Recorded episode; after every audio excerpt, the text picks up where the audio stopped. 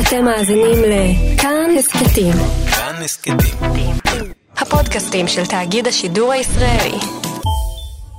כאן רשת ב'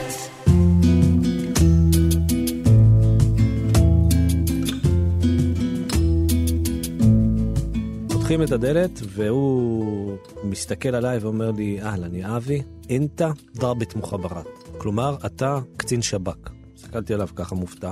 אומר לי, לא רק אתה, כל אחד ואחד מהישראלים, כולל, אני אגיד את זה בערבית, تاجر البندورة, סוחר העגבניות בשוק, הוא קצין מוח'אבראת שלכם. ואז שאלתי אותו, אוקיי, אבל يا أستاذ מחמוד, למה הזמנת אותי אם ככה לפה? זה פתח את הדו-שיח.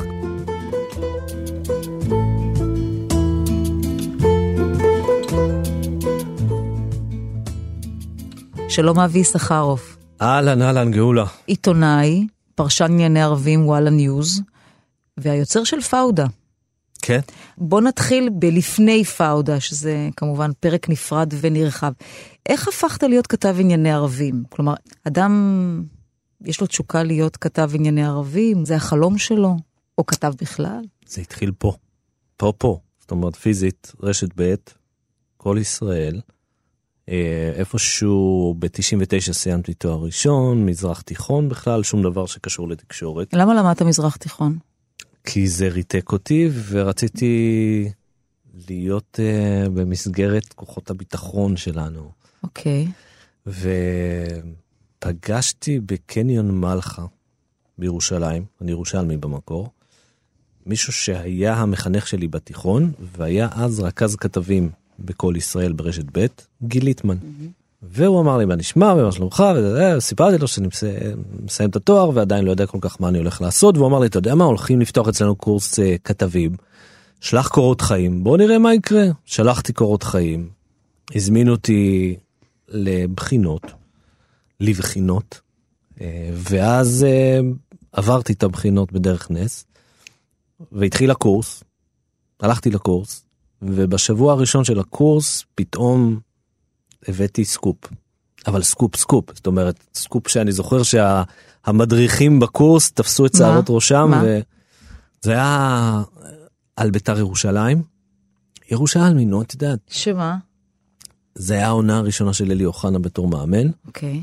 ובאמצע העונה הבאתי אה, אינסר צינק של אברהם לוי מנהל ביתר דאז שאומר בקולו שהם הולכים להחליף את אלי אוחנה בסוף העונה. עכשיו אלי אוחנה אז זה היה ישו בכבודו ובעצמו משה מוחמד שלושתם ביחד באים לטדי בדמותו של אלי אוחנה ופתאום המישהו הזה שעוד לא היה עיתונאי מימיו אחרי שלושה ימים בקורס מביא סיפור שכזה. אז הייתה תדהמה רבתי וצעקו עליי ממש צעקו עליי אני זוכר כי כולם התעצבנו שמה פתאום השארתי את האינסרט לסוף הכתבה ולא להתחלה כי אני לא ידעתי אני חושב שאת הדבר המעניין צריך לשמור לסוף את הפיקנטית, כן, את כן. הדבר הפיקנטי לסוף. ולא מתחילים את הקיצור אה, מכאן והלאה הדרך הייתה קצרה. אבל זה עדיין לא מסביר איך הפכת להיות כתב ענייני ערבים ואחר כך אה. פרשן ענייני ערבים. אה, אני דובר ערבית. מהבית?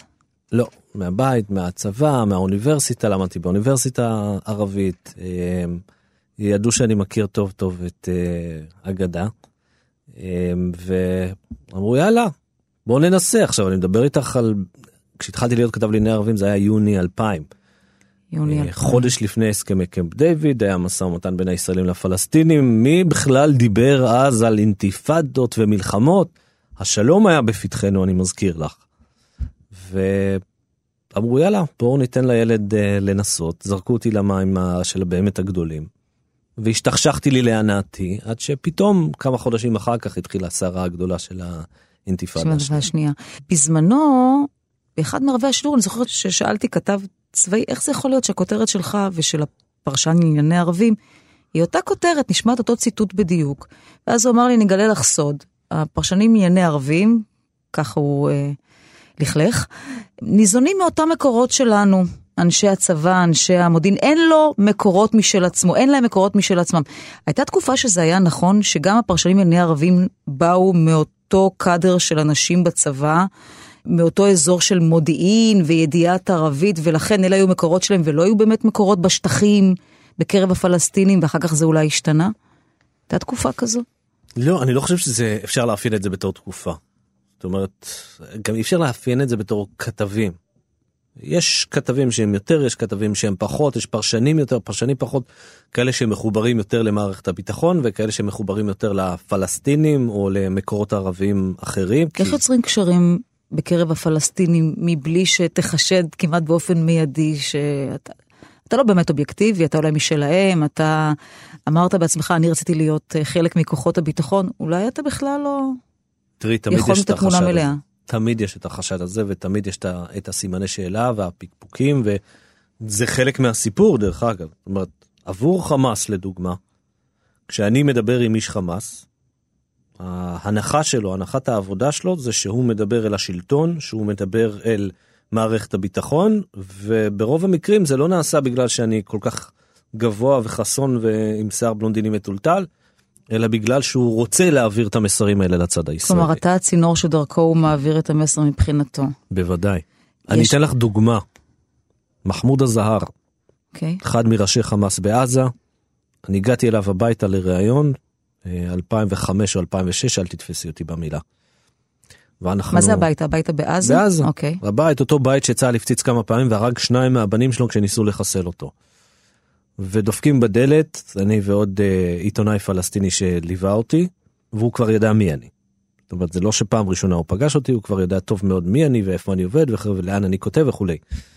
ופותחים את הדלת והוא מסתכל עליי ואומר לי, אהלן, יא אבי, אינתה דרבית מוחברת. כלומר, אתה קצין שב"כ. הסתכלתי עליו ככה מופתע. אומר לי, לא רק אתה, כל אחד ואחד מהישראלים, כולל, אני אגיד את זה בערבית, טאג'ר אל בנדורה, סוחר העגבניות בשוק, הוא קצין מוחברת שלכם. ואז שאלתי אותו, אוקיי, אבל, יא אוסטז מחמוד, למה, למה הזמנת אותי אם ככה לפה? זה פתח את הדו-שיח כבר, וזה הייתה שיחה. אבל מה, שקודם כל תהיה מורתע?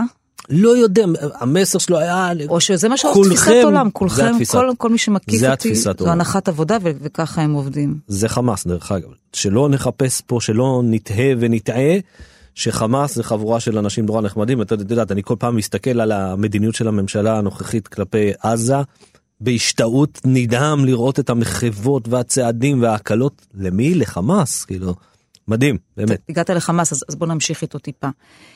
הם מורתעים כשהם רואים את מזוודות הדולרים מגיעות בזמן.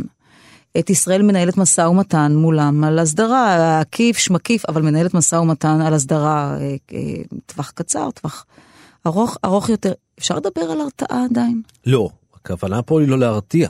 אני לא חושב שמישהו פה בצד הישראלי חושב שזה מרתיע את חמאס לתת להם כסף. הכוונה פה היא להפך, לרכך אותם, לפנק אותם, לשמן אותם. אבל אוקיי? okay. בת- בתהליך הזה כוח ההרתעה שלנו נשמר, אם הם יודעים שאנחנו מוכנים לדבר איתם, אנחנו עדיין מרתיעים? לא. כוח ההרתעה של מדינת ישראל אל מול רצועת עזה, אל מול חמאס, הולך ונשחק בשנים האחרונות. כשיש פה הבנה מסוימת, יש פה מדיניות מסוימת, את יודעת מה, אני אגיד את האני מאמין שלי, אני לא חושב שיש פה פתרונות לרצועת עזה. עכשיו השאלה האם אתה מדבר איתם עם הגזר או עם המקל. כנראה שהשילוב של גזר ומקל אמור לעבוד. ב- יש היגיון. בגזר, כן, יש היג- היגיון כמו גם היגיון ומקל. במקל, נכון. אבל אני פשוט לא אוהב את ה... העמדת הפנים. בדיוק. את הניסיון הזה. חכו חכו, אנחנו אם אתם עוד בלון אחד, עוד רקטה, אתם עזה תימחק. תראו, הסיפור הזה עם המחבל הזה שגרפו את הגופה שלו. לפתע פתאום שר הביטחון נפתלי בנט קופץ ועושה מזה, הנה תראו איך אנחנו מרתיעים ואיזה גברים. נו בחייאת, על מי אתה עובד? באמת, כולם מטומטמים? לא, אולי כמה אנשים פה באמת קונים את זה בתור הרתעה, אבל בחייאת, אתה נותן להם כסף, אתה נותן להם הכנסת סוחרים במרכאות שברור לכולם שאין, גאולה, אין 5,000 ו-6,000 סוחרים בעזה, זה לא הונג קונג. איך 5,000, 6,000 סוחרים נכנסים לישראל? מאיפה יש כל כך הרבה סוחרים בעזה, אני שואל. מאיפה? אין. זה פועלים, אבל לא מספרים לנו את האמת שהאנשים האלה נכנסים לעבוד בישראל. למה? כי אז התדמית הימנית, הלוחמנית של הממשלה הזאת תיפגע. אבל זה משחק שנוח לשני הצדדים, גם לממשלת ישראל. על- נוכח מה שאתה מתאר, כי לא אומרים תמיד, וגם לחמאס זה, זה, זה סופר נוח לקרוא לזה סוחרים ולא פועלים. ברור, תראי, זה נוח לכולם, בעיקר לחמאס, שהוא לא נתן כלום, להפך, ירי הרקטות נפסק, לא, לצערנו נמשך וביתר שאת. הם לא עושים אה, דברים גדולים, מלבד, את יודעת, מדי פעם כשצריך להרגיע, אז הם לוחצים על, ה, על הדוושה וה, והכל נרגע בעזה. כשהם רוצים, הדברים נרגעים. בעזה. לחפש גוונים בקרב הפלסטינים, להגיד יש חמאס ויש ג'יהאד איסלאמי ויש אבו מאזן ואחריו יהיו, יהיו עוד פיצולים, או שלהגיד, פלסטינים הם אותם פלסטינים, כל החלוקה הזו היא הים מגוחכת. אותו ים, ים, הפלסטינים הם אלה, איך אמר אבא אבן, שמעולם לא החמיצו הזדמנות להחמיץ, זה הסיפור שלהם. תראי, אני 20 שנה מכסה את הזירה הפלסטינית, ו-20 שנה מבלה אה, עם הפלסטינים בגדה, בעזה, בשיחות טלפון, בכל חור אפשרי, בכל לשכה של איזה בכיר שאת לא מדמיינת הייתי, ומחבלים ומבוקשים ומה לא. אני בסוף, את יודעת, קצת אה, בחור עם ראש קטן. אני מנסה להבין כשאומרים לי דבר פשוט. כשבא מישהו ואומר לי אנחנו רוצים להרוג אותך, אני מבין את זה כפשטו. כשבא מישהו ואומר לי אני רוצה לעשות איתך שלום, אני מבין את זה גם כפשוטו. וכן, יש פה הבדל למי שלא הבין. וזה שאנחנו מתנהגים אל זה שמאיים להרוג אותנו בגזר, וזה שרוצה לעשות איתנו שלום במקל, אני מפקפק במדיניות הזאת. למה אתה לא מפקפק גם בזה שאומר שהוא רוצה לעשות איתך שלום, כשבפועל הוא קורא, אני מניחה שאתה מדבר על אבו מאזן, על כיכרות, על שמות מחבלים, מממן משפחות טרור, כלומר, יש פרסים על זה שמפגעים בישראל. למה פה אתה לא מוטרד מכוונות גם מפה אני השלום? מוטרד, גם מפה אני מפקפק. אני כל הזמן התפקיד שלי זה לפקפק, בטח ובטח במושאי הסיקור שלי. זאת אומרת, כשאני מסתכל על אבו מאזן אומר X, אבל ב-Y פותח איזה כיכר על שמו של יחיא עייש או מי שזה לא יהיה, אני אומר, יש פה פאול. יש פה פאול, זה לא שאין פה בעיות, אבל בסוף ברור שיש פה הבדלים בגוונים השונים. זה כמו שאני אגיד לך, כולם ישראלים. מה, מה, איזה אמירה טיפשית זאת, כולם ישראלים. מה, תומכי ביבי ותומכי גנץ זה אותו הדבר? תומכי מרץ ותומכי ביבי זה אותו הדבר? זה אמירה נורא פשטנית וכל כך כוללנית. שהיא נגועה בגזענות, באמת. אי אפשר לעשות מהפלסטינים מקשה אחת. יש שם הרבה מאוד גוונים, חלקם אפורים מאוד, חלקם שחורים מאוד, חלקם טובים מאוד. אז אולי באמת אי אפשר לסגור עסקה כי יש הרבה גוונים. כי אין, אין לך גורם אחד שאתה יכול לסגור איתו משהו. תראי, זה התירוץ האולטימטיבי, אז אני אשאל אותך את אותה שאלה על הצד הישראלי, אבל בסוף, כרגע אנחנו בבעיה אמיתית. אני מודה, כרגע, גם אם נרצה, כבר אין שלום. זאת אומרת, אז מה, יש ניהול סכסוך? יש ניהול סכסוך, פתרון שתי המדינות התאייד לו לאוויר העולם, לא רק בגלל הפלסטינים. היום המצב בגדה הוא בלתי הפיך, זאת אומרת, מי שמדמיין שאנחנו נפנה, גם אם נשאיר את גושי ההתנחלויות וכולי, 130, 140, 150 אלף אה, מתנחלים, הוזה, חולם. אה, ולצערי, באמת, אנחנו נתקענו במצב כזה שבו יש לנו הנהגה פלסטינית שכרגע לא יכולה להוביל מהלך של אה, שתי מדינות לשני עמים. יש לנו הנהגה ישראלית שלא רוצה להוליך מהלך שכזה, ואנחנו די הולכים לכיוון די ברור של מדינה אחת לשני עמים. אבל אם אתה צודק, ו- וברור שאת המתנחלים אי אפשר לפנות, וזאת עובדה קיימת, את זה גם מבינים הפלסטינים ואבו מאזן. למה אם כך לא ללכת לתוכנית טראמפ, כזו שבסוף, אם הם מקבלים אותה, נותנת להם מדינה והכרה ישראלית במדינה? אהלן וסהלן. אם, אם יש מישהו שיקבל אין- בצד הפלסטיני, אין, בבקשה. אין מישהו כזה? לא. כי על פניו אתה אומר, זו עובדה, כולם מבינים את זה. בסוף התהליך גם להם יוצאת מזה מדינה, אז למה לא? כי לא, לא כולם מבינים את זה. זאת אומרת, לא כולם מבינים את זה, והרבה מאוד בצד הישראלי, כולל אותי, מסתכלים על זה ואומרים לנו בחייאת. מה, זה אחלה תוכנית, אתה יודע, מצידי אהלן, בואו נספח 99% והפלסטינים יסכימו. אבל צריך להיות גם ריאליים. ואי אפשר להגיע לשלום עם הפלסטינים, אם רוצים להגיע לשלום עם הפלסטינים, זה לא יקרה במתווה הזה. יש דבר כזה, הסכם שלום עם פלסטינים? או שבסוף זה מה שיהיה עצימות של סכסוך אה, יותר תראי, גדולה, היינו- פחות גדולה, אבל אנחנו מנהלים את העסק הזה. היינו בשלב קריטי ב-2008, ספטמבר, אולמרט, אבו מאזן. היינו שם על, באמת, לטעמי, על סף הסכם, וזה התפוצץ, וזה לא התפוצץ בגלל אבו מאזן, שלא נחשוב לרגע שהפלסטינים עוד הפעם אמרו לא, הם לא אמרו לא. המחשבה שהוא נתן תוכנית סופר נדיבה, ואבו מאזן אמר גם לה לא, לא נכונה? לא, לא נכונה. לחלוטין לא. גם? אהוד אולמרט מודה בזה דרך אגב. אה, אני אשחזר איתך את האירועים. 16 בספטמבר 2008. אהוד אולמרט מזמן אליו את אה, מחמוד עבאס, יושב ראש הרשות, הנשיא הפלסטיני, פורס בפניו מפה מאוד גדולה של אה, יהודה ושומרון, הגדה המערבית, ומציג לו בדיוק את הקווים שמהם ישראל תיסוג, את, הק... את, ה... את גושי ההתנחלויות שישראל תשאיר, ואת אה, חילופי השטחים, הקרקעות שישראל מציעה במקום, יחד עם החיבור המנהרתי בין עזה לבין הגדה, שזה בסוף יוצא כמעט אחד לאחד. זאת אומרת, הוא הציע לו משהו נוסח אה, 93.4 ואז 5.5 קרקעות אה, בתמורה, ואז עוד חיבור בין הגדה לבין עזה, שזה יוצא כמעט אחד לאחד. פלוס, הצעה חסרת תקדים שאני לא יודע איך הוא הגיע אליה, אבל וואלה, הצעה באמת חסרת תקדים. שירושלים, המקומות הקדושים בירושלים יהיו תחת אה, ניהולה של ועדה מנהלת של חמש מדינות. לא ריבונות של אף אחד, אבל ועדה מנהלת של חמש מדינות, ובכללן הרשות הפלסטינית, ישראל, אה, ירדן כמובן, ארצות הברית וסעודיה. אלה ינהלו את הכותל, את הר הבית, את המקומות הקדושים, הכנסיות לדוגמה, זה מי שינהל את זה, לא הישראלים. אוקיי. וקבלה של 5,000 פליטים לשטחי ישראל. זהו. זה 16 בספטמבר. ביום המחרת התקשר סאיב עריקאת ואמר אני, אני יודע שקבענו להיפגש שוב השבוע אבל אבו מאזן יוצא לאמ"ן אני צריך אנחנו צריכים עוד כמה ימים. יום ראשון 21 בספטמבר אהוד אולמרט מגיש התפטרות. עכשיו יבואו אנשים ויגידו אבל מה אבו מאזן היה צריך עדיין ללכת איתו להסכם. אבל אני לא יודע כמה אנשים היו באמת ממהרים לעשות כזאת החלטה במקומו של אבו מאזן, בנעליו של אבו מאזן, ממהרים לעשות דיל עם ראש ממשלה שהוא יודע שהוא גמור. ולא רק זה, אלא גם אבו מאזן אומר עד היום, פנו אליי מספיק אנשים, אם מצידו של אהוד ברק ואם מצידם של ציפי לבני, שאמרו, אל תלך על זה, אל תלך עניין." על זה, כי הוא גמור. כי זה לא יקרה. תפיסת העולם שלך, הפוליטית, הביטחונית, המדינית, היא נגזרת של מה שאתה רואה בסיקור השוטף, בתובנות שלך, או שזאת התגבשה עוד לפני? כלומר, מה משפיע על מה? אני חושב שזה שילוב של הכל, זאת אומרת, אני מתקשה לקרוא לעצמי שמאל, אני מתקשה לקרוא לעצמי ימין, אני כנראה איפשהו במרכז. אה, עם ראייה מאוד מפוקחת, אני חושב שאני הרבה יותר ימינה מהליכוד ומימינה בנוגע לחמאס. אני חושב שאני הרבה יותר שמאל. כי אתה מכיר את הדברים מקרוב? כלומר, זה, זה משפיע? כי אתה יודע דברים שאולי אחרים פחות נחשפים אליהם בס, בסיקור השוטף, ברמה היומיומית? גם, כנראה. אה, אני חושב ש...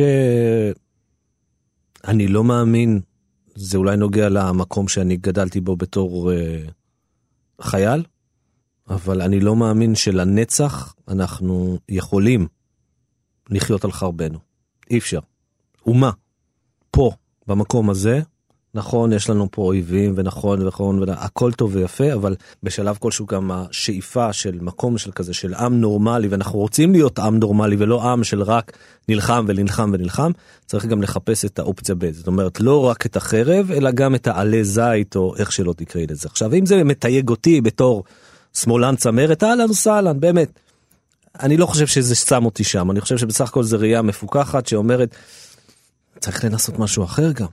וגם אם נכשלנו פעם אחת צריך כנראה לנסות שוב. עכשיו ישר יגידו אבל האוטובוסים המתפוצצים אני לא עושה את החיבור הזה. זאת אומרת אני לא חושב שבגלל שדיברנו שלום אז הנה אפשרנו לאוטובוסים לקרות. זה לא. האוטובוסים לקרות זה חמאס. ומי שאנחנו מדברים איתו היום זה חמאס. אגב, מה שאמרת עכשיו, הניסיון שלך, העובדה שאתה רואה את מי שמעבר ל- ל- לכותרות, בין אם זה מחבל, בין אם זה זה שמנסה לעשות אה, שלום, כלומר, אתה רואה שיש שם אדם, רובנו אגב לא, מעדיפים לא לראות את זה ככה, כי גם יותר קל לנהל מלחמה ככה, ואולי גם בזה יש אה, היגיון, עם משהו שאתה גם מנסה לעשות אה, בסדרה שלך, בפאודה. אז קודם כל, איך בכלל נהייתה פאודה? כלומר, איך אדם שכותב כתבות, על זה מעמיס פרשנויות, כותב פתאום תסריט לסדרה על מסתערבים, יחידת מסתערבים. תראי זה בער בי. זה בער בשותף שלי בליאור רז. אנחנו שנינו מכירים עוד מימי ירושלים העליזים. אה, מגיל 16 פחות או יותר. עברנו ביחד בצבא, זאת אומרת היינו ביחד באותו, באותו מקום, ואיפשהו לפני עשר שנים כמעט, קצת פחות, נתקלנו אחד בשני במסגרת צבאית והתחלנו לקשקש על העבר ומה אנחנו רוצים לעשות והוא ידע שאני עיתונאי ואני ידעתי שהוא שחקן ואמרנו וואלה אנחנו חולקים פחות או יותר את אותו חלום לעשות משהו. אני, אני חשבתי בכלל לכתוב ספר כתבתי אז כבר כתבת שני ספרים. כתבתי שני ספרים כן, אז עם עמוס הראל. וליאור היה שחקן אה, אפשר לומר בתחילת דרכו. אמרנו בוא בוא נשב ונפגשנו אחרי שבועיים באמת אה, בתל אביב. ומפה התחיל להתגלגל הרעיון הזה בוא נעשה איזה משהו אה, בטח לא ייקחו את זה בטח אף אחד לא ירצה את זה אבל יאללה בוא ננסה. ולאט לאט את הדברים האלה מתגלגלים להגיד לך שתכננו את זה להגיד לך שהיה לנו בתוכנית. אני בעיקר רוצה להגיד לך שזה סופר יומרני. כלומר, אני, לא, במבחן התוצאה אולי לא, אבל תשמע, איך לא רעד לכם הלבלב מהמחשבה של עכשיו, לכתוב תסריט, ליצוק בתוכו את הרגשות, את הפעולות, את הפסיכולוגיה שיש מאחורי הדמויות, את ההפעלה שלהם, ולחשוב שזה יצליח על הפעם הראשונה? מי חשב שזה יצליח, אבל... אני חושב שזה ייכשל על הפעם הראשונה. אני, אני כל פעם נזכר ברגעים האלה ואני אומר לעצמי, את יודעת, אני וליאור זה שני חבר'ה, כן, זה באמת, הוא אחי היום, הוא שותפי, הוא דם מדמי, בשר מבשרי. גם לי, בלי להיות אה, דם מדמי ובשר מבשרי, אבל אנחנו שנינו אותו מוח ואותה מנטליות ואותם שטויות ואותם קשקושים וצחוקים. זה לא כאילו רעד לנו עליו לאו, זה יאללה אחי בוא ננסה, מה אכפת לנו? מה אכפת לנו? מה אכפת לך גאולה? יאללה שבי תכתבי משהו. מקסימום... כי אני לא מסוגלת. לא, אבל מקסימום את תשמעי את הלא. מקסימום את תגיד, יגידו לך וואלה זה לא טוב. אז מה קרה? וזה מה שהיה. זאת אומרת, אה, וכמו שאומרים בארץ נהדרת, ואם קרה אז מה קרה? ניסינו. הלכנו... לא, וגם הטקסטים בערבית, כלומר, המחשבה שמישהו... ייקח סדרה פה בישראל, לחשוב שמישהו בבית רוצה לראות את זה, מה אין לנו מספיק מסביב, וכל השיחה הקודמת, כל החלק הראשון של השיחה, במה יש לנו מסביב, מי עוד רוצה לראות את זה בטלוויזיה? אף אחד, וזה מה שהיה, אף אחד לא רצה את זה. בגלל הערבית? לא רק בגלל הערבית, מי רוצה לשמוע סדרה על הסכסוך הישראלי פלסטיני? עזבי okay. אוקיי. כאילו מה הנושא הכי מאוס, לעוס, טחון. אף אחד לא רצה את זה. בואו נפתח פה את הקלפים, קשת אמרו לנו לא, רשת אמרו לנו לא, אז הם היו בנפרד רשת וערוץ 10, ערוץ 10 אמרו לנו, רעיון נורא נחמד אבל אין כסף. אמר, עמדנו כבר, אני זוכר שחברת ההפקה שליוותה אותנו אז אמרה לנו חבר'ה זה לא יעבוד, תוותרו על הרעיון. תוותרו.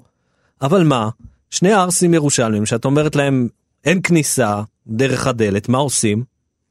החלון. החלון. ברור. אז איזה חברה טובה שעבדה ב-yes, דחפה פה שם, סידרה לנו פיץ', בלי, החברת הפקה בכלל לא הייתה חלק מהסיפור הזה, כי באמת הם הרימו כבר דגל לבן. ואנחנו גררנו אותם לפיץ' הזה ובפיץ' הזה ישבו אה, מה זה פיץ' יצטרך להסביר ל... פיץ' זה בעצם לא לנתיבי לכת המכירה אוקיי כאילו אתה בא ומציג את הסחורה שלך אתה מתאר את הרעיון ובאנו אמרנו טוב יאללה נקבל עוד לא. ויס אה, כמו יס את יודעת. אמרו יס. אמרו יס. אמרו יס. אבל זה היה נורא מצחיק באמת היה לנו שם איזה סיטואציה כזאת שהיה היה גבר ועוד אה, שתיים או שלוש נשים בחדר והנשים ככה לא היו מבסוטיות מהרעיון וראו שהן לא מרוצות. והגבר היה כולו כן כן כן ויצאנו מהפגישה ואמרתי לליאר אה, אין סיכוי לא הולך לקרות. לא הולך לקרות לא ראית בפרצופים שלהם שהם לא רוצות את זה. אבל בסוף הם חזרו אלינו ואמרו לנו אתם יודעים מה תכתבו פרק אחד. כתבנו פרק אחד. אתם יודעים מה תכתבו שישה פרקים ואז נחליט.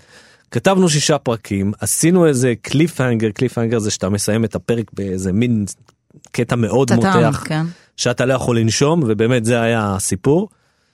ואז הם קראו את השישה פרקים ואמרו אוקיי חבר'ה בואו קשו תכתבו עונה. למה על מסתערבים? אמ, כי זה יקר לליבי. אני צריכה לנחש מה עשית בצבא? כי ביליתי שם מספיק אוקיי. שנים וזה היה... זה היה חוויה.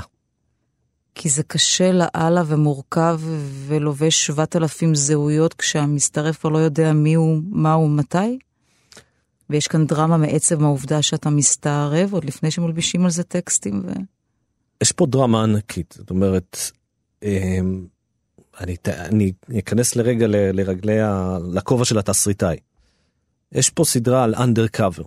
עכשיו על uh, סוכנים אנדרקאבר ראית כבר הרבה מאוד סדרות אני בטוח, וסרטים, ומאפיה, וארגוני ניאו-נאצים ומה לא. לא היה על מסתערבים עד אז. עד לאותה נקודה לא היה על מסתערבים, שום סדרה, שום סרט, כלום. ואנחנו, את יודעת, אמרנו למה בעצם לא לעשות את זה עכשיו יש פה דרמה ענקית של בן אדם שלובש זהות אחרת אנחנו לא עשינו את זה כמו אה, חיילים צעירים בצבא אלא לקחנו את זה כמה רמות מעל לחבר'ה שעושים את זה בעצם בחיים שלהם. זה התפקיד שלהם בחיים כלומר גם בגיל 40 ו45 זה עבודתם.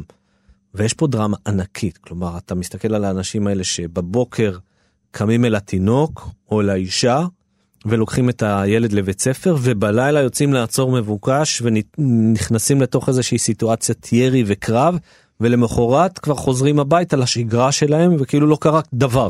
כמה זה שורט אותם, מצלק אותם?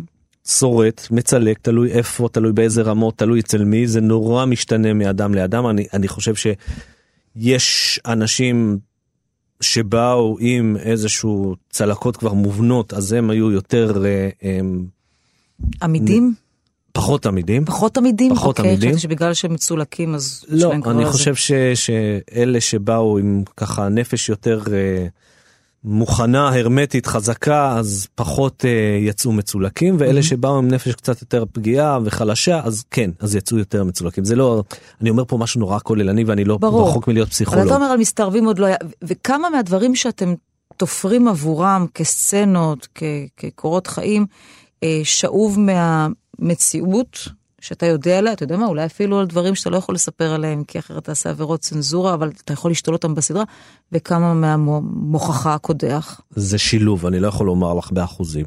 אין לי פה מתמטיקה של אה, בוא תוסיף 30 אחוז, תוסיף 70 אבל אחוז. אנשים שיראו את זה יזהו אירועים?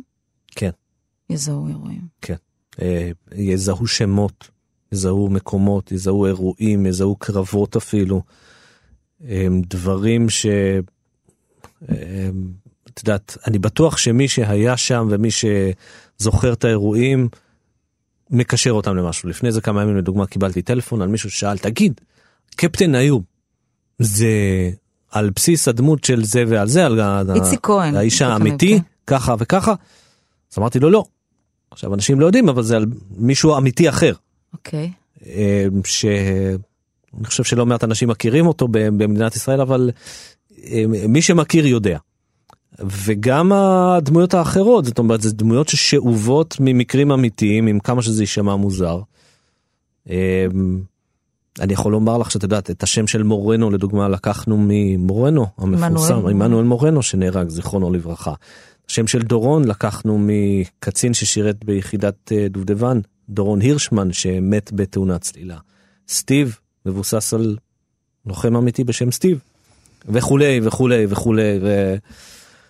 זה עוד הרבה מאוד דוגמאות כאלה גם בצד הפלסטיני שלא יהיה ספק בצד הפלסטיני תאופיק חמד מבוסס על דמות של מבוקש אמיתי המבוקש הכי בכיר בגדה 2000 עד 2006 אברהים חמד. ולא סתם בחרנו שהוא בא מסילואד מהכפר סילואד כי אברהים חמד היה מסילואד סילואד. ואברהים חמד כמו בסדרה היה מאוהב באשתו עד מעל הראש.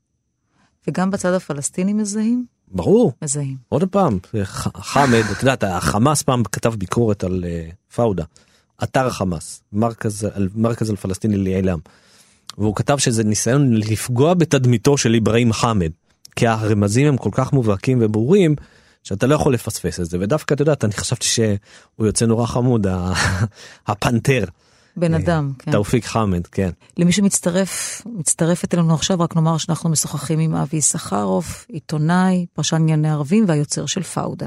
זה מוזר בעיניך שישראלים מצליחים לעכל את הסדרה הזו, שבאמת מציגה את תאופיק חמד, אתה אמרת חמוד, מציגה אותם באור אה, אנושי, שבו פייר במציאות לא בא לי לראות בכלל שיש להם פנים, לא מעניין אותי, אבל בסדרה אין בעיה לשבת על הספה להתרווח, לאכול ולשתות משהו ולהקל וואלה, יש לו רגשות, הוא בן אדם, יש לו אישה, יש לו ילדים, יש לו משפחה. כן. זה הרבה יותר קל כשזה דרמה ואתה אומר זה לא אמיתי. זאת אומרת אתה לא יכול לעכל באמת את הסיטואציה שילד הכי מקסים וחמוד בעולם בן 18 הופך להיות אה, מחבל נכונה. מכונה בגלל דברים שהצד הישראלי עשה. אבל כל עוד זה דרמה וכל עוד זה דמיוני אז בסדר סבבה אין בעיה עם זה וככה גם בעונה שנייה וראשונה וכל מיני דברים קטנים כאלה שהצופה הישראלי בשבילו זה איזשהו אה, טיפול בפוסט טראומה של הסכסוך הישראלי פלסטיני כלומר זה לא אמיתי אבל רגע יואו יש אנשים בצד השני אבל אה רגע אנשים בצד השני זה בעצם זה דמיוני. זה אתה לא... מנסה לחנך דרך הסדרה? לא, אני מנסה להראות uh, מציאות מסוימת. אז נכון שאני לוקח את המציאות ועושה לה דרמטיזציה ומגביר את המינונים של הדרמה, אבל תשמעי, אני פגשתי אנשים בצד השני, בצד הפלסטיני, שיכולים היו להיות החברים הכי טובים שלי. ש... בסדר, זה נכון לגבי כל מלחמה שאתה נלחם מול צד אחר, ואתה אומר, גם בצד השני יש אדם בין 30 ו-40 ויש לו את אותו פרופיל חיים כמו שלי, היינו יכולים בתסריט אחר להיות ביחד. נכון, זה, אבל פה, אצל הפלסטינים בעיקר, עשינו להם דמוניזציה. כלומר, עשינו אותם השטן בהתגלמותו, ומה פתאום לדבר עם הפלסטינים. מי זה עשינו? אנחנו, כקולקטיב. כציבור. ובצד כ... השני זה לא ככה? ברור שזה ככה. ככה. ברור, מסתכלים על היהודים כשטן בהתגלמותו. אז הסדרה כן עושה את הפעולה הזו של אה, ריכוך? תראי, זאת לא הייתה הכוונה. כשאני וליאור התחלנו את הדרך ביחד, לא הייתה לנו כוונה לבוא ולחנך את הצופה הישראלי. הכוונה שלנו הייתה לעשות סיפור טוב. כשאתה רוצה לעשות סיפור טוב, אתה צריך לקחת את הרע שלך במרכאות, את הווילן, ולעשות אותו מעניין, לעשות אותו טוב לפעמים ורע לפעמים, כי אם הוא חד ממדי זה נורא משעמם בעיניי, זה הופך להיות סרט כזה של סופר uh, הירוז, ואני לא אוהב סיפורי סופר הירוז, ואת יודעת למה? כי הם לא מרגישים לי אמיתיים. כי הם משעממים גם קצת. כי הם נורא חד ממדיים, כי יש לך טוב ויש לך רע, זהו. אבל בביקורות על הסדרה, תראה, צריך לומר, הסדרה זכתה וזוכה לתשבוכות מקיר אל קיר, ונקנתה, אני מניחה שעוד נקנית במקומות אה, אחרים גם, תכף נדבר גם אה, על זה. היו כאלה שאמרו, אה, עכשיו אתם פה, הכיבוש אצלכם יוצא רומנטי, מקסים, מצטלם נהדר. ויש כאלה שאמרו בדיוק ההפך, מה אתם עכשיו מביאים לנו אותם? אה, זה אנושיים, מרגישים, מתאהבים. מעולה. מה, כי יש גם וגם? ברור. כי אתה, אתה מבין שאתה בזה, במקום טוב. יש משהו מזה? יש משני הדברים. זאת אומרת, אני יכול להבין את אלה שאומרים, מה אתם עושים רומנטיזציה לכיבוש, ומה אתם עושים רומנטיזציה למחבלים. אה, זה חרא וזה חרא, ושמענו לא מעט ביקורות. הרוב, צריך לומר באמת, 99% מהביקורות היו מפרגנות ומשבחות וכולי. אבל היה גם כאלה שלא אהבו ובעיקר ב, מקרב השמאל זאת אומרת בעיקר בשמאל היותר קיצוני שאמרו אתם עושים שירות לכיבוש אתם בעצם מכשירים את הכיבוש. אמ, אני זוכר ביקורות של לדוגמה סייד קשוע אמ, אני נכון. זוכר ביקורות של אה, נכון. כל מיני מגזינים כאלה שמזוהים יותר באמת עם השמאל הקיצוני. ואני זוכר שמה שעצבן אותי במיוחד בביקורת של סייד וגם בביקורת של האחרים הייתה שנעשתה אחרי צפייה בפרק אחד. חשבתי שתגיד שהוא כבר לא גר פה ומבקר משם. לא, הוא גם לא גר פה, א', את יודעת, זה לא סייד, אבל זה, אני מדבר באופן כוללני. סייד גר בארצות הברית ולא חווה את הגדה כבר הרבה מאוד שנים ולא יודע איך זה באמת. אבל היה פה כל מיני ביקורות למה הם לא מראים את ה... את, אה, גדר ההפרדה הגזענית, טה, טה, טה, טה, היה פה כל מיני, למה הם לא מראים את המחסומים? ואתה אומר, רגע, מי שכתב את הביקורת הזאת, ראה את הסדרה? או ראה את זה פעם בחייו את הגדר, את ה... עזבי ראה, נגיד ראה את הגדר, אבל אתם ראיתם את אותה סדרה שאני אה, עשיתי? הרי בעונה הראשונה אתה רואה מחסומים ואתה רואה את הגדר בכל פעם שאנחנו עוברים בין הגדה לישראל אתה רואה את הגדר הזאתי. ואתה רואה על הפרק הראשון שחיילי צה"ל לוקחים ממישהו את המכונית בלי לשאול אותו ואתה אומר איפה אתם חיים. אחת הביקורות, אה, אתה דיברת על העונה הראשונה, הייתה שככל שהתקדמת עם הפרקים ונכנסתם לעונה השלישית, שזה הפך להיות פחות הסכסוך ויותר אקשן אולי מהסוג שנטפליקס דורשת, כדי שזה בעיניים בינלאומיות, אמריקאיות, אולי ייראה, אתה יודע, יתקבל יותר טוב. זה נכון? שזה הכי שעשע אותי. כי מה? אני זוכר את הביקורת הזאת, אני זוכר אפילו מי כתב את זה. אחרי פרק ראשון בעונה שנייה, כתב איזה אחד המבקרי הטלוויזיה שרואים שנטפליקס כבר אה, קנו את הסדרה ומעורבים בה ואתה אומר יא אללה כאילו כמה טמבל אתה יכול לצאת באמת תשאל תברר תבדוק.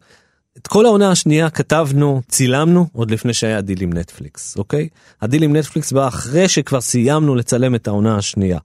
אז מה אתה כותב שטויות כאלה עכשיו בסדר את יודעת לפעמים אנשים צריכים לכתוב ולייצר מלל.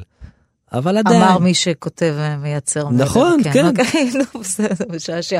אבל תגיד, הם כן מעורבים, הם, כן משפיעים, לא. הם כן נוגעים. לא, על פאודה לא. אתם, שולטים בטקסטים מתוך הבנה שלהם, אנחנו לא מספיק מבינים בשביל אה, להתערב. לא, זה, זה לא, זה, זה קצת אחר, זאת אומרת, פאודה היא סדרה של יס, ונטפליקס קנו מ-yes את הסדרה הזאת. זה שונה מהסדרה האחרת שלנו, hit and run, שמצטלמת בתל אביב, ועושה קצת רעש כי חסמנו איזה רחוב אחד או שניים. אתה רוצה להגיד עליה מילה? אד- אדם מתחתן עם אה, מישהי והיא אה, מתה די מהר בתאונה, נכון? משהו כזה, אבל משהו אסור כזה. לי לדבר אסור- על זה. אוקיי. אמ, אבל שמה באמת זה סדרה כבר של נטפליקס אז שמה יש מעורבות ומעורבות תכנית וכמובן התקציב כל זה זה נטפליקס. בפאודה הסיפור הוא אחר. פאודה אנחנו מדברים פה על סדרה ישראלית נטו שנטפליקס קנו אותה אין להם say אין להם מעורבות בתוכן של הדברים אין להם כסף שהם שמים בה כדי שזה ייראה יותר אקשני אז זה ממש לא הפך ליותר אקשני אנחנו פשוט הרגשנו צורך לעשות פרק מסוים יותר ככה ויותר אחרת אין לזה בואו נוריד את זה מהשולחן עכשיו זה לא קשור לנטפליקס. ובקטע שב Hit and Run כשהם מתערבים או נמצאים, נוכחים, זה יותר קשה לעבוד? תראי כי כל דבר צריך לאשרר אולי, או לראות דרך פריזמה של הצרכים שלהם לא, והקהל ת- שלהם. תראי הרי כל דבר בפאודה אנחנו מאשרים מול יס זה לא שאין לנו את המטריה הזאת מלמעלה של מישהו שאתה צריך לדעת ללמוד לעבוד בצוות. ולעבוד בצוות זה לא פשוט.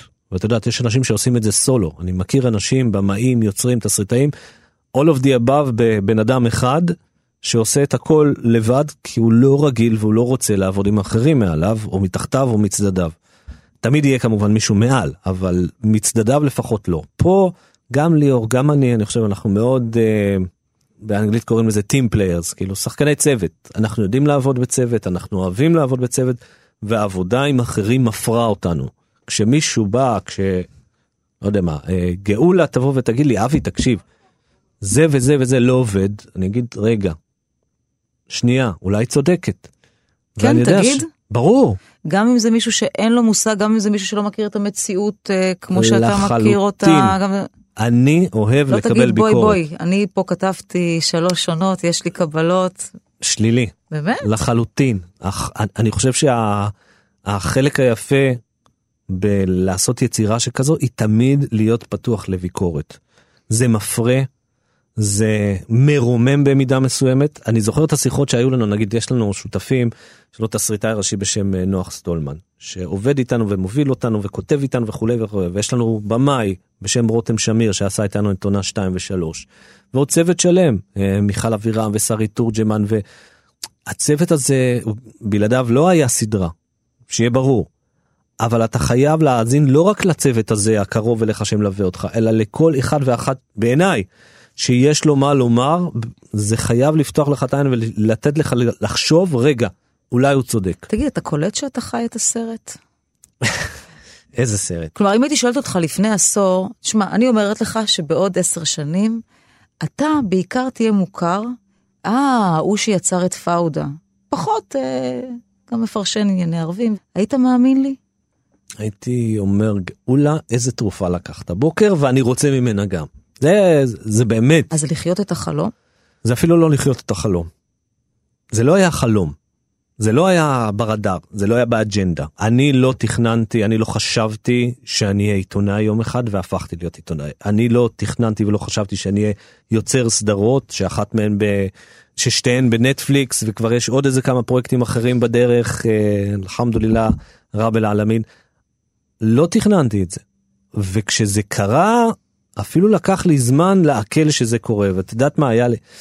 אני זוכר שלפני איזה כמה שנים באה איזה הצעת עבודה מאוד מעניינת בתחום הזה של עיתונות. ומאוד התנדנדתי, לקחת, לא לקחת, ודיברתי עם ליאור, והוא אומר לי, תקשיב, זה לחיות החלום של פעם. באמת, חלומות משתנים, אנחנו מתבגרים, אנחנו משתנים, וגם החלומות שלנו, המקצועיים, לפעמים, לא תמיד, אבל לפעמים משתנים. זה לא ככה, אנשים עושים גם שיקולים של פרנסה ומשפחה ומה מתאים עכשיו בחיים. נכון, נכון, אבל היה לי שתי אפשרויות טובות, זה לא שהיה לי שתי אפשרויות רעות. היה לי שתי אפשרויות מאוד טובות, ובחרתי במה שהיה נראה לי לנכון לעשות באותה נקודה, כדי להמריא למקום אחר, עם אופק קצת יותר פרוע, ולצאת מתחום העיתונות. אמנם לא יצאתי לחלוטין, אבל די, אני כבר לא שם בשטח, אני לא מסתובב, שורץ, רץ בין המבוקשים ורץ בין, בין ערי הגדה. אתה מתכוון לצאת? אם עכשיו אני אגיד לך, תראה, אני אתן לך שתי אפשרויות. אתה אה, יכול להמשיך ולהיות פרשן ענייני ערבים, כל החיים, זה מה שתעשה, או שאתה יכול לעשות את, ה, את הסדרות שלך, את הפרויקטים שלך, להמשיך אה, ליצור, אתה חייב לוותר על משהו. חייב לוותר? חייב לוותר על משהו. וואו וואו. אז בואי נתחיל בזה שאת יודעת, היום יש לי את האפשרות לוותר על העיתונאי, על הכובע הזה, על הפרשן, ואני בוחר שלא לעשות את זה. למה? כי אני אוהב את זה. אני אוהב את התחום, אני אוהב להבין מה קורה בעזה ומה קורה בגדה ובירדן ובסוריה ובאיראן וכשאני רואה על התפרצות הקורונה באיראן זה מעניין אותי ומרתק אותי רגע איך יגיבו עכשיו הרשויות שם ומה יהיה בעיראק. המזרח התיכון מדליק לי את הצורה. אני יודע שיש אנשים שנדלקים מדברים אחרים, אותי המזרח התיכון מדליק. אז לא רוצה לעזוב את התחום הזה. עכשיו, אם היית מאלצת אותי לבחור עכשיו אז כנראה שהייתי נאלץ לבחור לוותר על תפקיד העיתונאי או הפרשן. אבל לא בא לי. זה כיף לי, זה מרתק אותי, זה נעים לי, אני עושה את זה פחות, אבל עדיין נעים לי להיות שם. על איזה פרויקטים אמרת שאתה עובד עכשיו? פרויקטים חדשים. מה? שאני לא יכול לדבר עליהם. אף, מה, אבל עם נטפליקס, עם מה, אתה, אתה גם, כותב, אתה... גם, גם. גם? עוד דברים חדשים. מתחום אה, עיסוקך העיתונאי? לא קשור למזרח תיכון. לא קשור? לא, את יודעת מה? חלק כן. חלק כן. קשור למזרח תיכון? כן. כלומר, אתה הולך ומתמחה, אני לא יודעת אם זאת המילה הנכונה, בתחום שקוראים לו אה, יצירה וכתיבת יצירות, שהוא, שהוא לא רק נגזרת של תחום הסיקור שלך. נכון. אתה נהנה? לאללה. ואתה טוב בזה? תקשיבי, זה... זה פסטיבל מספרי סיפורים, הגרסה המודרנית. זאת אומרת, אה, זה לקחת סיפור, ואנחנו כולנו מספרי סיפורים, הרי מה זה עיתונאי? הוא מספר סיפורים. ואני זוכר את הקורס ההוא, הקורס כן, כתבים בכל ישראל. כן, אבל אמור להתבסס על עובדות. כן, אבל פה את יודעת, אני תמיד, תמיד הדברים שאנחנו עושים, מנהלים איזשהו אה, רומן קטן עם המציאות. לפעמים זה ממש המציאות, לדוגמה, אחד הפרויקטים הבאים מבוסס על סיפור אמיתי מאלף עד תו שקרה בשטחים. אוקיי. אה, סיפור אחר, זה סיפור שמבוסס על עובדות אמיתיות, אבל עיבינו אותו ועשינו לו דרמה וכולי. סיפור שלישי לא קשור בכלל למזרח התיכון. אבל משהו שקורה בעולם הזה ונתנו לו ספין שלנו שאנחנו המצאנו אותו. אז זה נותן לך אפשרות להשתולל ולתת לדמיון שלך בכלל להתפרע mm-hmm. ולמצוא משהו שאתה אומר וואלה זה גם חשוב כדי שהעולם ישמע את הסיפור הזה וזה גם מרתק. נגמר לנו הזמן. אני יכולה לשאול אותך לסיום אם אני אשאל אותך איפה אתה מרגיש בכל זאת יותר נוח נוכח כל מה שאתה עוד מתכנן בתל אביב ברמאללה לא יודעת, ואולי בפגישות עם נטפליקס בהוליווד, או איפה שאתם לא נפגשים, לוס אנג'לס? או...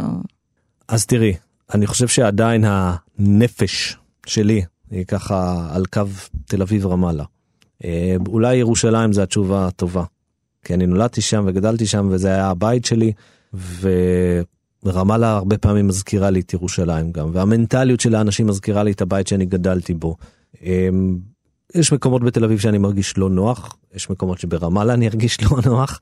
אני לא חושב שהוליווד כמקום מגורים מדברת אליי, אני שם לא מרגיש נוח. Okay. אוקיי. אבל uh, בסוף איפשהו פה ככה בין תל אביב לרמאללה זה, זה המקום המוכר והידוע. אבי יששכרוף, תודה רבה לך. תודה. ונגיד אה, תודה רבה גם לעורכת אלה יגנה ולטכנאים אלון מקלר וראובן מן, ושבת שלום לכם.